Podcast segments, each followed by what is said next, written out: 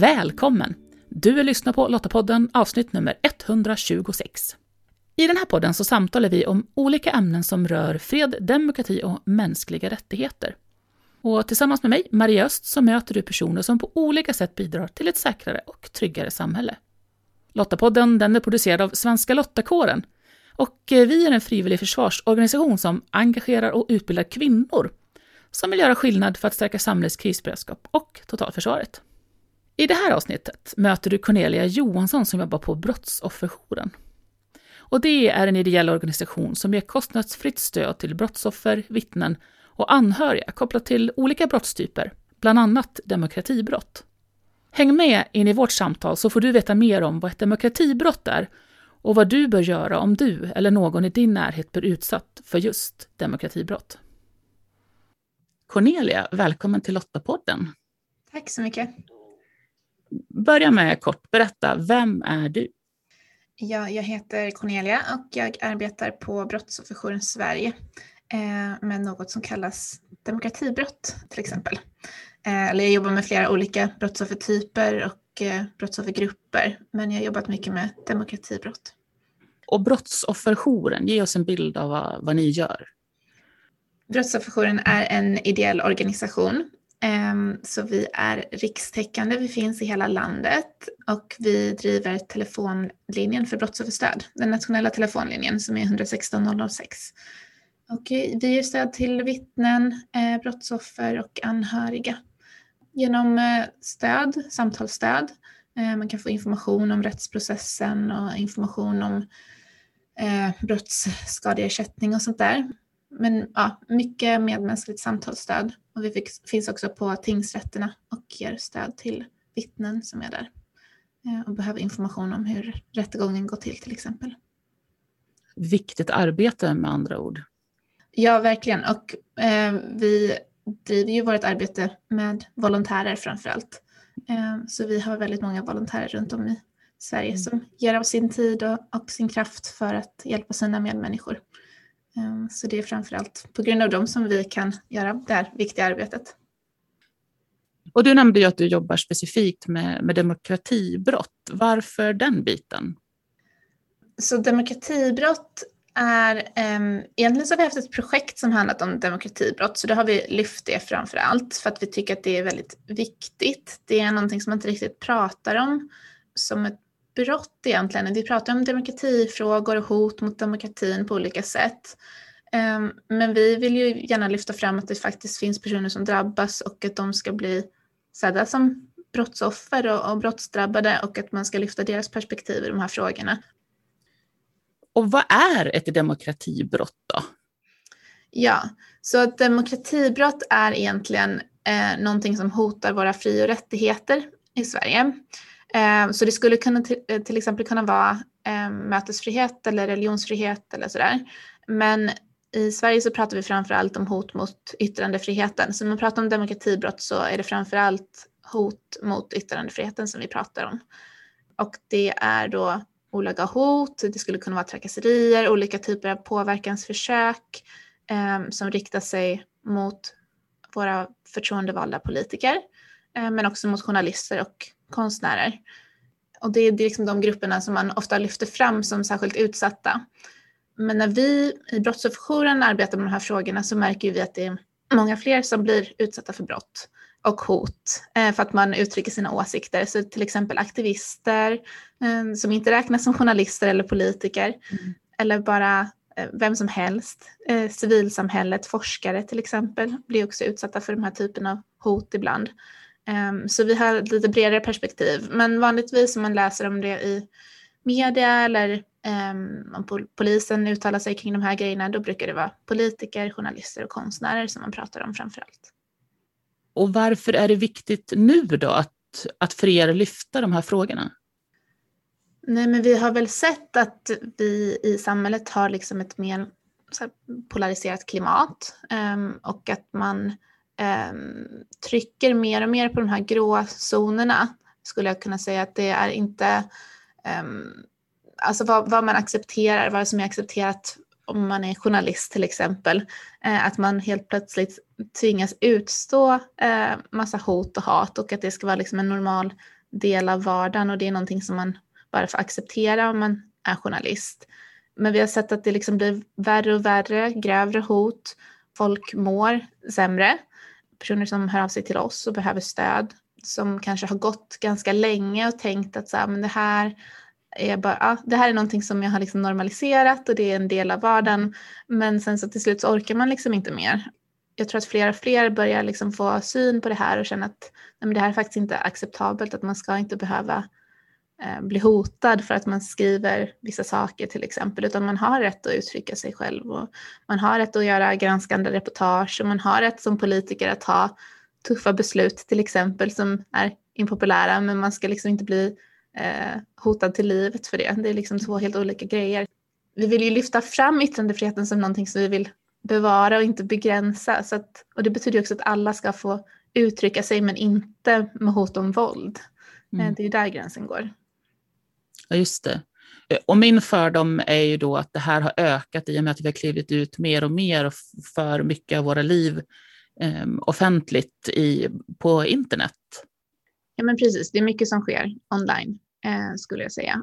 Och där tror jag också generellt att man har en bild av att eh, det som sker online är liksom inte riktigt på riktigt och där får man skriva vad man vill och det är liksom fritt fram. Eh, men egentligen så är det ju så att de reglerna och lagarna som gäller i verkligheten gäller ju också på sociala medier. Mm. Eh, precis som man inte får hota någon face to face så får man inte hota någon eh, på Facebook till exempel. Mm. Det är precis samma sak. Men absolut, vi, vi delar ju med oss av mer och vi kan väl också se att det är fler personer som då kanske inte tillhör de här eh, specifika grupperna som jag sa tidigare, som också delar med sig sina tankar och så här, helt plötsligt så kan någonting bli eh, viralt eller det är någonting som delas väldigt mycket och sen så är man en publik person fast man egentligen inte är det alls. Mm. Och då ska man ju absolut inte behöva utstå eh, hot och hat. Den personen ska ju också kunna få uttrycka sig fritt på sin egen sociala medier utan att bli hotad eller bli uthängd på olika sätt. Eh, och, och det här är ju brott. Och jag tänker där, där har vi ju system för att hantera brott. Men hur enkelt är det att, att faktiskt bli fälld för demokratibrott? Mm, det är väldigt svårt. Det handlar om um, resursfrågor skulle jag säga hos våra myndigheter, vad man har möjlighet att, vilka brott man har möjlighet att lägga fokus på. Men vi vill ju alltid att man ska polisanmäla brott om man, om man känner att man klarar av det. Men eh, vi uppmanar ju folk att polisanmäla både för statistikens skull men också för att man överhuvudtaget ska ha en möjlighet att polisanmäla. Gör man ingen polisanmälning så blir det absolut ingen utredning. Eh, så då vet man ju att det inte kommer hända någonting alls. Om man ändå gör en polisanmälan så är det ju ett, ett första steg i någon typ av upprättelse, att man själv har gjort det man har kunnat. Och vad ska jag tänka på då? Om, om, jag, om jag tar emot hot, eh, vad ska jag tänka på när jag, för att då kunna göra en anmälan? Man ska alltid spara bevisning. Det är väl det första steget och då kan man liksom ta sådana här um, screenshots eller skärmdumpar om det kommer online då. Eh, man kan också, om det skulle vara så att man liksom blir fast i något stort drev eller man, man hamnar i en, i en jobbig situation där det kommer in väldigt mycket grejer så brukar vi tipsa om att man kan be kanske en kompis eller en kollega eh, kolla igenom kommentarsfält och, och sådär eller läsa inkorgen om man känner att det här är för, för jobbigt så finns det ofta personer i ens närhet som kan hjälpa till mm. eh, med det där och då slipper man ju själv kolla på det.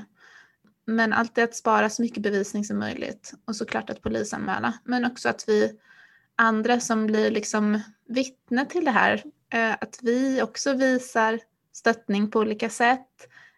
Utan att man behöver liksom inte, jag tänker nu återigen på sociala medier när det blir sådana här stora debatter eller eh, konflikter, att man kanske känner att ja, men jag orkar inte gå in i det där, men att man ändå kan visa stöttning på andra sätt. Ibland så gäller eh, räcker det att bara liksom göra en så like, like på en viss kommentar eller något sånt för att visa att man ändå står bakom det som mm. Eh, ens kompis eh, Eh, säger till exempel. Eller, sådär. Eh, eller motsatt att man ser någon som eh, i ens närhet som faktiskt är den som hatar eller hotar och driver på sådana här ehm, debatter där det inte alls känns som att det är en, en produktiv debatt utan att man driver på någonting som kommer att vara skadligt. Att man då säger att det här känns inte okej okay, eller det du gör är, ja men förklara att det här kommer liksom inte leda till någonting bra utan um, ofta när man får, när det är drev och någon får väldigt mycket hatfulla kommentarer då kan, även om det är så att man inte tycker om det som den personen har skrivit och så här, um, en politiker som har tagit ett beslut till exempel som man absolut inte tycker om. Har man fått 8000 kommentarer så kanske det inte spelar någon roll. Om man skriver 8001 kommentarer då kanske man kan låta bli istället och känna att den här leder här någonting till mer än förutom att man bidrar till ett drev. Eh, mm. För den här personen kommer liksom inte läsa de här kommentarerna och sen så ändra sitt beslut till exempel utan det är liksom redan taget. Så att man får tänka lite hur kan jag vara hur kan jag påverka den här frågan som inte eh, leder till ett drev eller till att hänga ut någon mm. På ett helt orimligt sätt. Och såklart så ska man väl också kunna eh, kritisera, som jag sa, och man ska, vi vill ju att det ska vara en, en livfull debatt, men om det är liksom 8000 personer mot en person och det är liksom, eh, ja, man, man tappar ofta sakfrågan och det blir liksom personangrepp och det blir inte längre produktivt mm. eller effektivt. Mm. Eh, då har vi lite tappat den här eh, fokuset egentligen mm. i debatten. Ja, och jag tänker vi är ju känslostyrda. Jag vet ju det själv när jag scrollar igenom mitt flöde och hittar någonting som, som jag reagerar på och tycker bara, vad i, hur, hur kan det här ske? Hur kan man ta det här beslutet? Eller hur kan man tycka så där? Det är ju helt uppåt väggarna. Eh, och, och någonstans instinktivt så skulle jag ju kunna sätta mig ner då och skriva någonting väldigt argt. Eh, mm. Men, men, jag tänker att där gäller det ju lite kanske att, att gå iväg lite och, och låta sva, liksom känslorna svalna lite och, um, och vara lite mer, ja men faktiskt, att också skilja på person och sak, tänker jag. Att det, mm. det är sakfrågan jag inte gillar och, då, och, och försöka någonstans angripa det då mer, ja men, jag vet inte om jag ska kalla det resonabelt, men, ja, men utan känslor, att just inte hata och hota. För, för som du säger, jag ska ju ändå kunna eh, tala om att nej men det här håller jag inte med om. Men det kanske räcker att säga så. Det här håller jag inte med om. Precis. Men sen så ser vi också när vi, om vi pratar om så här, um, att man angriper person och istället för sak så ser vi också att det är vissa grupper som blir mycket mer utsatta än andra och det tror jag att vi är också viktigt att komma ihåg när vi pratar om de här sakerna. Utan, för det är ju ofta journalister så pratar vi om kvinnliga journalister till exempel som blir utsatta för ett helt annat typ av eh, sexuella hot eh, mm. och väldigt grova hot. Eh, man har gjort en studie där man såg att man kollade på kommentarerna kring, ehm, kring de hoten som man får och då såg man att de är liksom mycket mer kränkande i sin natur. Mm. Ehm, så även om man hotar män också så, så ser det väldigt annorlunda ut och det, och det, är de här maktstrukturerna som kommer fram väldigt mm. tydligt när vi pratar om yttrandefrihet och vi pratar om demokratibrott eh, så syns det väldigt tydligt. Eh, och detsamma gäller ju eh, rasifierade personer till exempel eller personer som tillhör ehm, olika minoritetsgrupper som blir utsatta för rasism till exempel på ett helt annat nivå än, än vita kollegor till exempel. Eh, mm. Och detsamma gäller politiker och, konstnärer och andra personer i samhället. Men att man ser att det är vissa personer som hela tiden blir utsatta, eh, inte på grund av sakfrågan som man driver eller skriver om, men på grund av ens identitet. Eh, och okay. att det liksom kommer fram i de här uh, dreven och i hoten och sådär. Åh, oh, det är så sorgligt. Ja, jag, ja. Sånt där jag blir så arg på. Ja, men det blir väldigt tydligt vilka det är som får då synas i debatterna eller som orkar synas. För blir man utsatt för så här mycket hot till exempel, då orkar man ju ofta inte mer. Mm. Och då blir det ju en grupp som får synas och som får dela med sig av sina tankar och åsikter och många andra som aldrig ens blir får komma till tals. Men det är också den här självcensuren som hot och hat leder till. Så ibland så kanske inte ens är så att jag själv har blivit hotad och hatad. Men genom att jag ser andra eh, kvinnor till exempel som är engagerade politiskt som blir utsatta, eh, då kommer jag inte ens ställa upp i ett val för att jag känner att det är liksom inte värt det till exempel. Mm. Eh, eller liknande som en journalist som kanske vill skriva ett, ehm, ett reportage kring, kring någonting lite kontroversiellt. Men då kommer jag liksom låta bli att göra det för jag ser vad mm mina eh, muslimska kollegor har blivit utsatta för till exempel. Mm. Eh, och då är den här självcensuren och den är ju oerhört eh, svår att det, det liksom blir väldigt stora konsekvenser och det är väldigt svårt att motarbeta den för att det är också hela tiden upp till men, upp till oss själva att bestämma om det här är någonting som vi orkar göra eller inte. Så det är, det är väldigt svårt för oss andra att vara så här, jo men skriv, skriv reportaget, mm. utsätt dig själv för hot och hat. Mm. Så kan man ju liksom inte heller uppmana någon att göra, det blir också väldigt svårt. Och motsatsen blir också konstigt att det här är liksom personens levebröd och inkomst och att då säga, ja men det är bara att sluta, lägg av mm. om du inte klarar av det. Det blir också en väldigt konstig grej eller säga att mm. ja, men sluta engagera dig om du inte klarar av hoten. Det vill vi ju absolut inte uppmana någon till att göra. Så att mm. det är alltid lite, det är lite svårt att ge rådgivning i de här frågorna tycker jag. Mm. Ja, och jag tänker det där är ju de långsiktiga konsekvenserna som, som kan bli riktigt farliga för demokratin, tänker jag. Mm. Just det här med självcensuren eller då att jag kanske väljer bort, som du säger, att inte ställa upp i ett val eller kanske inte ens bli journalist fastän det är någonting jag brinner för. Mm. Eh, och då, då kommer ju en massa röster att saknas. Då, kom, då är ju risken att vi så småningom får en väldigt smal andel liksom, åsikter som kommer till uttryck. Och, och det är ju det är precis det som yttrandefriheten vill motverka, just att vi ska mm. ha den här ja, men skillnaden i åsikter och kunna prata om hur vi vill att vårt samhälle ska vara. Mm. Eh, ja, det är lite skrämmande. Ja, verkligen. Ibland så lyfter vi fram forskare också um, som forskar om vissa ämnen och sen som blir utsatta för hot och trakasserier och då lägger av eller lägger ner sin mm. forskning och det känns ju också som så väldigt tydligt uh, en konsekvens för hela samhället att du mm. inte får ta del av deras forskningsresultat för att man inte klarar av att driva en viss forskning för att man blir hotad. Liksom. Mm. Det, det känns som ett tydligt exempel på vad det kan leda till och att man inte får vetenskapliga belägg för olika frågor för att det är någon som mm. har blivit hotad. Liksom. Det, det, vi måste kunna göra, som samhälle så måste vi kunna göra bättre än så att vi måste, och vi måste kunna liksom, hjälpa varandra i de här frågorna. Men sen så rent juridiskt, om vi kan komma tillbaka till det här med vad som är brottsligt och sådär. Det där är också väldigt svårt för många av de här äh, kommentarerna till exempel och mycket det som man blir utsatt för äh, kanske inte alltid i juridisk mening är brottsligt utan vi pratar om den här gråzonen och väldigt mycket saker som bara är oerhört obehagliga och taskiga men som kanske inte är brottsligt. Men vi vill alltid så uppmana folk att polisanmäla ändå och sen så får polisen eller åklagare avgöra vad som är brottsligt. Men um, det där är också lite svårt för att då är det så här, men hur mycket obehagliga saker ska man behöva acceptera också?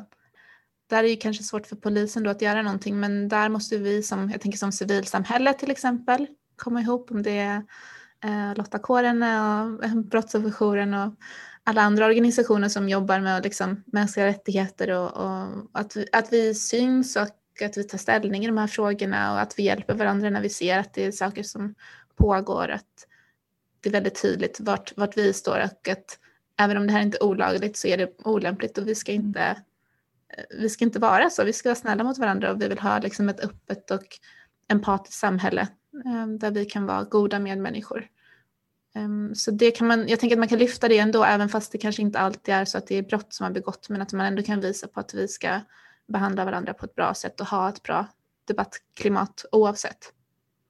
Ja, men precis. Och jag tänker det är ju det som är så fantastiskt i en organisation också, att faktiskt kunna öva på eh, det demokratiska samtalet i att, mm. i att vara oense. För, för det ska vi ju såklart vara. Ja, precis. Men att göra det med respekt för varandra. Ja och kunna ha, men, ja, kunna ha debatter på ett eh, konstruktivt sätt och kunna lyfta saker utan att liksom, man går till en dagisnivå där man står och skriker på varandra. Liksom. Eh, jag tror att vi, vi kan bättre än så. Ja, men jag tänker så här, om vi avslutningsvis bara rekapitulerar lite det här vad, vad jag som faktiskt individ kan göra. Oavs, dels, dels då om jag blir utsatt själv, men också då om jag blir vittne till vad, vad är liksom topptipsen? Ja, topptipsen skulle vara för det första att eh, spara bevisning som vi sa. Polisanmäl skulle jag ehm, ändå uppmana till att göra eh, utan att tvinga någon till det. Men ehm, vi måste ha liksom eh, statistik. Det är väl framförallt det. Och man, för att överhuvudtaget kunna utreda, återigen, så måste man ha gjort en polisanmälan. Men att man visar respekt för varandra, hjälper varandra, frågar hur vi mår. Ibland direkt efter man har blivit utsatt för någonting, oavsett vilket brott det är, så kan man vara lite så här eh, i chock nästan och liksom, ja, men det är alltid bra, alltid bra och sen så några veckor senare så inser man, men gud jag liksom blev hotad till livet av en främling på nätet till exempel. Eh, så jag tror att man kan liksom återkomma flera gånger utan att vara så här på, påträngande som, som vän eller som kollega eller eh, vad det nu är om man är eh, engagerad i lottakåren till exempel. Att man kan fråga kanske lite senare, men hur, hur tänker du på det där som hände och kan jag hjälpa till på något sätt? Och att man inte bara glömmer av det som har hänt utan man försöker eh, hantera det på ett bra sätt. Eh, och sen så kan man också alltid kontakta Brottsofferjouren för rådgivning och stöttning och man behöver bolla med någon. Vad, vad, vad, är det som har hänt och hur ska jag gå vidare och vad måste jag polisanmäla? Behöver jag inte göra det? Vad, som vittne, jag, jag känner mig liksom rädd eller jag vet inte riktigt hur jag ska hantera det här så kan man alltid prata med oss också. Och vi har superbra rådgivare och stödjare som gör jättebra hjälp. Och jag tycker det där är ju verkligen eh, ett supertips. Att inte hålla det själv utan faktiskt prata med någon och, och, få lite, lite perspektiv på det. Det tror jag är jättebra. Lite stöd och hjälp att hantera. Ja, precis. Jag tror att det är många, alltså många organisationer och arbetsplatser och sådär. För jag tänker ofta, ofta är det många personer som blir utsatta i sitt arbete. Och där finns ju förhoppningsvis eh, handlingsplaner till exempel och det finns olika eh, metoder för hur man ska hantera situationer på arbetsplatsen, vilket det här kanske är om det är så att man blir utsatt i sin tjänst på olika sätt. Och då mm. eh, tycker jag att man ska använda sig av dem och, och kolla vad det, vad det står och hur vi kan hjälpa varandra och tänka på det. Cornelia, tack så jättemycket för att du har eh, gett oss insikter om det här området och, och hjälpt oss förstå Eh, och framför allt tips på hur vi kan hantera det här om det skulle hända oss eller någon, någon i vår närhet. Tack så mycket för att jag fick komma. Tusen tack.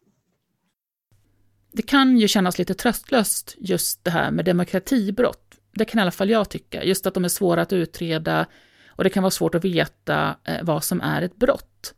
Men som Cornelia sa så är ändå uppmaningen att anmäla, inte minst för att vi ska få statistik. Och Brottsofferjouren finns ju också där för dig som funderar på hur du ska göra om, om du eller någon i din närhet är utsatt. Prata med dem. Men viktigt är ju också att vi är medmänniskor och stöttar varandra om vi ser att någon blir utsatt. Och att vi vå börjar våga säga ifrån när kommentarerna börjar hamna snett och att vi gör det innan det går för långt så vi inte börjar tämja på gränsen för vad som är okej. Okay. Lästips relaterat till det vi samtalat om i det här avsnittet det hittar du på lottapodden.se. Och om du, precis som Svenska Lottakåren, tycker att fred, demokrati och mänskliga rättigheter är värda att försvara och du vill vara med och göra skillnad för vårt samhälles krisberedskap och totalförsvar, ja men då ska du gå till svenskalottakåren.se. Där hittar du information om hur just du kan göra skillnad. I nästa avsnitt av Lottapodden, som du kan lyssna på den 2 september, då får du veta mer om demokratins symbol som kom till genom en tävling arrangerad av stiftelsen Expo. Symbolen står för eh, allas lika värde, skulle jag säga. Och rätten att bli lyssnad på. För demokratin bygger ju på att man lyssnar till alla olika åsikter och respekterar varandra. Så det är det den förmedlar, eller det är det jag ville att den skulle förmedla. Så om du inte redan gör det, prenumerera gärna på Lottapodden så du inte missar nästa avsnitt. Du hittar podden bland annat i Apple Podcast, Podbean eller på Spotify. Och om du gillar Lottapodden, berätta gärna för andra om den. Och om du använder en app där du kan lämna en recension, till exempel som Apple Podcast, gör gärna det så hjälper du fler att hitta till podden. Tack för att du lyssnar. Hej så länge!